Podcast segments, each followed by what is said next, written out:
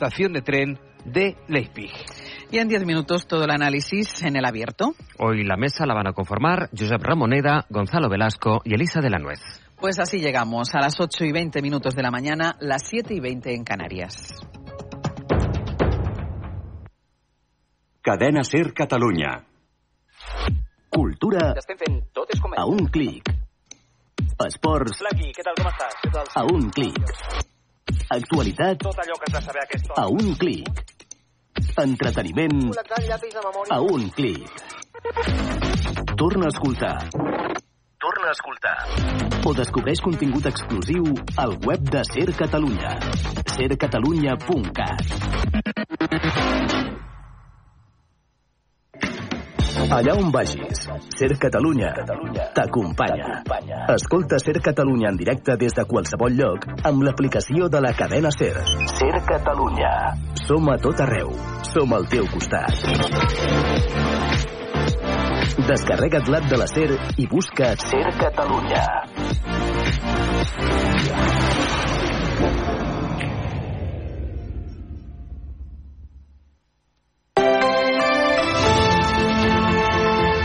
Hoy por hoy Catalunya.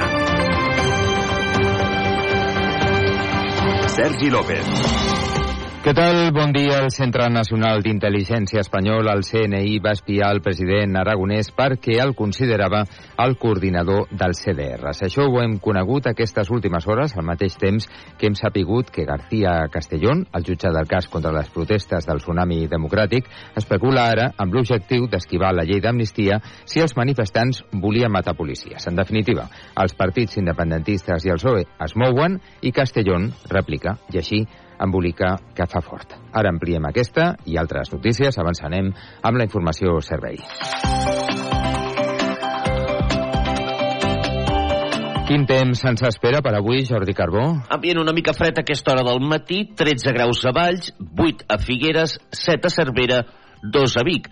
El sol, eh, que lluirà gran part de la jornada, farà que les temperatures siguin semblants a les eh, dels darrers dies, màximes al voltant dels 20 graus a la major part de Catalunya, una mica més baixes que ahir, però no es notarà. Boira al matí a l'interior, persistent al Pla de Lleida, després alguns núvols a estones arran de costa. Demà temps molt semblant al d'avui, diumenge la nuvolositat augmentarà més, especialment a prop del litoral, i això farà que es noti més el descens de temperatura. Anem ara amb la informació del trànsit, com estan les carreteres i les autopistes. Àlex Huguet, bon dia. Molt bon dia. Hi ha dues avaries actives a l'AP7, una en un tram complicat entre Barberà i Cerdanyola del Vallès en sentit Girona, on es talla un carril i fa acumular 3 quilòmetres de retencions, i l'altra entre Fogàs i Massanet de la Selva en sentit sud. A banda d'això, parlem de retencions habituals d'un divendres al matí, per tant, en general, menys congestió en trams de 2 quilòmetres a la C58 cap al sud a Sant Quirze i també a Montcada, l'accés a Barcelona per la B23 des de Sant Just d'Esberra o la C32 a Sant Boi en sentit nord i a les rondes també hi ha molta menys congestió. A la B10 ara són 4 quilòmetres de cues des del fòrum en sentit sud i a la ronda de dalt destaquem el tram d'Esplugues i Pedralbes en sentit nord amb 2 quilòmetres més de cues. És tot des del RAC. Bon dia.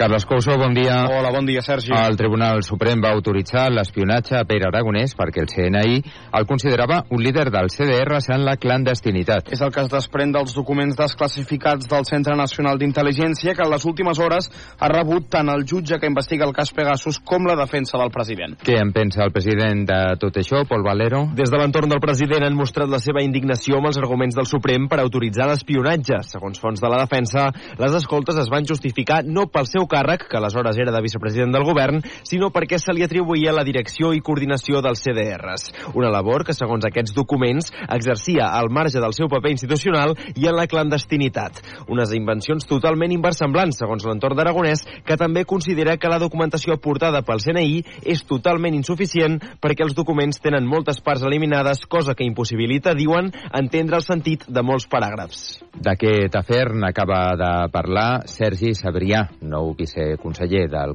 del govern de la Generalitat, ho ha fet a l'Aquí Catalunya. de ple de pàgines tatxades amb negre on hi pot dir disbarats enormes i per tant només accedim a textos parcials eh, bueno, nosaltres seguirem apretant, apretant per intentar saber-ho tot i que tothom ho sàpiga tot, que tothom sàpiga amb quin estat estem tractant. Desconformes des d'Esquerra Republicana i des de l'entorn del president amb aquesta documentació que s'ha enviat perquè diuen que no és completa, que falten paràgrafs al mig. Tot plegat s'ha fet públic la nit abans que l'exdirector del CNI, la exdirectora del CNI, Paz Esteban, declari avui a dos quarts d'una davant del jutge que investiga la causa per l'espionatge amb el software Pegasus a Pere Aragonès. Sí, Esteban contestarà les preguntes per videoconferència des d'un jutjat de Madrid. I encara entre la política i els tribunals, nou moviment del jutge García Castellón per driblar els canvis en la llei d'amnistia. Només dos dies després de l'acord entre el PSOE i els independentistes per intentar protegir els investigats pel tsunami democràtic, el jutge ha més un nou auto atribuint-los una possible vulneració del dret a la vida, l'únic supòsit que quedaria exclòs de l'amnistia. A més, Xavier Balló, el jutge, acusa a Puigdemont d'assumir que hi podrien haver morts en les protestes. García Castellón ha aprofitat una interlocutòria en la que ratifica que els policies ferits siguin acusació particular per aprofundir en la investigació contra Carles Puigdemont per terrorisme i incloure-hi referències idèntiques a les que el PSOE i Esquerra Junts van pactar aquesta setmana sobre la llei d'amnistia. L'auto atribueix a Puigdemont el control de les protestes post-sentència i diu que van ser incompatibles amb el dret a la vida i la integritat física que reconeix el Conveni Europeu dels Drets Humans en el seu article 2 i precisament els canvis sobre l'amnistia aprovats aquest dimarts deien que no es perdonarien els delictes de terrorisme que haguessin produït una vulneració d'aquest article. García Castellón manté així viva la possibilitat de no aplicar l'amnistia als investigats pel tsunami i acusa Puigdemont d'haver pogut aturar unes accions a les que ell mateix assumia que hi podia haver morts. Més coses, Educació signa un acord amb Comissions Obreres i la UGT per revertir les dues grans retallades de 2010 que faltaven per resoldre. Sí, són la recuperació del plus d'antiguitat als 6 anys i la possibilitat que els majors de 55 facin menys hores de classe.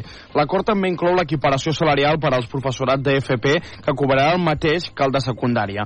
Un acord, però, i és important remarcar-ho, que està condicionat a que s'aprovi un nou pressupost de la Generalitat. I, de fet, la consellera Anna Simó, per aquest motiu, passava la pilota ja als grups parlamentaris. Per tant, complim, però ara demano que els grups parlamentaris també compleixin. Hem de tenir pressupostos 2024 perquè aquest acord pugui posar-se en funcionament des del mes de gener del 24. Els sindicats signants, Comissions Obreres i UGT, diuen que s'obre un nou cicle i que han signat per responsabilitat. Ara bé, els sindicats majoritaris, USTEC, el de professorat de secundària i CGT, s'han desmarcat precisament perquè la qüestió del deute no ha quedat resolta. Hoy por hoy Catalunya. Quan són les 8 i 27 minuts del matí, us expliquem que el transport públic ha batut un nou rècord de passatgers. Durant l'any passat es van fer 1.087 milions de viatges. És un 17% més que el 2022 i un 3% més també que abans de la Covid. Els autobusos interurbans i el metro són els dos sistemes que registren un major creixement de viatgers respecte al període pre-Covid, seguit del tramvia i rodalies de Catalunya. Els autobusos urbans encara han assolit les xifres de validacions del 2019 i tampoc ferrocarrils, que s'ha quedat molt a prop. L'increment d'oferta, la gratuïtat de rodalies i la bonificació dels principals abonaments són els motius que expliquen l'augment. I com està la cosa pel que fa als títols? Doncs la T usual és l'abonament més utilitzat amb el 50% dels bitllets integrats, mentre que la T casual cau a la segona posició amb només el 17% de validacions. Més coses. El Mobile World Congress avisa als visitants que redueixin el consum d'aigua per fer front a la sequera que pateix Catalunya durant els dies de l'esdeveniment. Els seus responsables també han explicat que les fonts de la Fira de l'Hospitalet no funcionaran. Gemma Alegrí. Els organitzadors han assegurat que són molt conscients de la situació de sequera que viu Catalunya. Per això han dit que intentaran reduir el consum d'aigua dels congressistes. Mats Granrit és el director general de GCMA. Tots som molt conscients de la greu sequera que hi ha a Barcelona i estem fent el que podem. La Fira ha preparat plans per alleugerir-la. El Mobile se celebrarà entre el 26 i el 29 de febrer. Hi haurà més de 2.400 expositors i més de 1.000 ponents. Per primera vegada, el 40% de les conferenciants seran dones. I ara un cop d'ull als tribunals.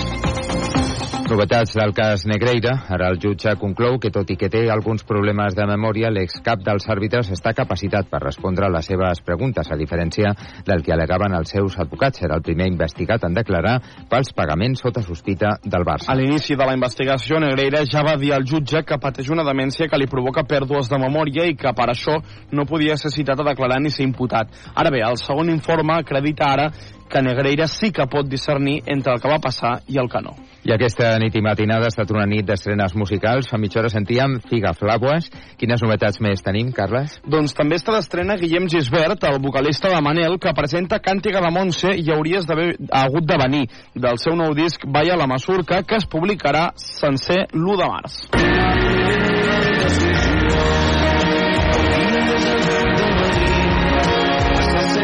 Doncs acompanyats de Guillem Gisbert, us acomiadem eh, fins que vosaltres podeu continuar amb nosaltres, que sabem que sigui en tot moment. Dos quarts de nou del matí, bon divendres.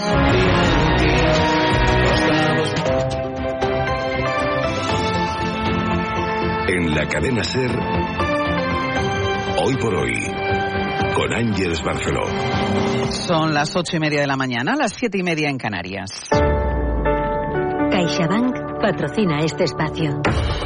Tiempo para el análisis, tiempo para el abierto en esta mañana de viernes aquí conmigo en Radio Barcelona, Josep Ramoneda, ¿qué tal? Muy buenos días. Hola, muy buenos días. Y en Radio Madrid, Gonzalo Velasco, buenos días. Hola, buenos días. No sé si saludar a la cámara, a, que- a- a la pantalla donde se te ve o... Mira, yo te saludo por si acaso, Vale, por si fenomenal. quieres. Elisa de la Nuez, muy buenos días. ¿Qué tal? Buenos días. Yo tendría posibilidad de veros, pero no, no os veo porque a veces me, me despista. Prefiero escucharlos antes, antes que veros. Eh, contábamos a las seis y media, bueno, medio en broma, medio en serio, con José Luis Sastre. Él está hoy en eh, Valencia, haciendo el hoy por hoy desde Valencia, yo estoy en Barcelona, y como justificación hemos dicho, no, es que nos hemos venido a hacer una especie de trabajo de campo, porque como las temperaturas en el Mediterráneo son tan altas, o nos cuentan que son tan altas,